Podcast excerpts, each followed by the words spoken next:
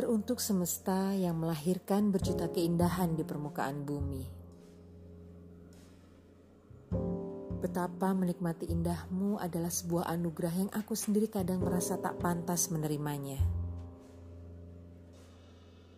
Kebaikan apa gerangan yang kulakukan hingga kau suguhkan begitu banyak lukisan hidup untuk bisa memanjakan imajinasiku?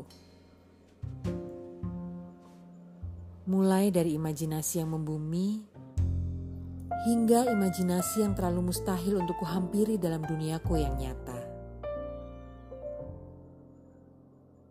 Seperti kura-kura yang selalu ketakutan dan bersembunyi di bawah tempurung bajanya.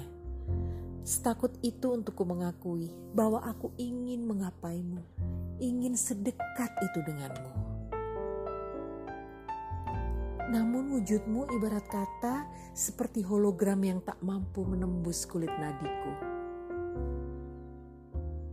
Hanya sanggup aku pandangi dan aku kagumi dari kejauhan dan membayangkan betapa indah seandainya kita bisa saling bertukar kata, tatapan, dan senyuman.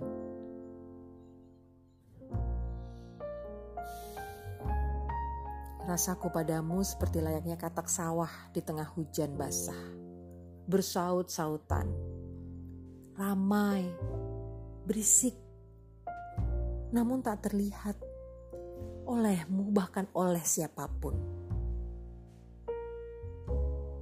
Dan aku berdiri sendiri di sini menikmati lukisan indahmu. Di tengah sunyi hatiku yang berdegup dan bergemuruh laksana badai yang siap sedia memporak-porandakan apa pun dan kapan pun.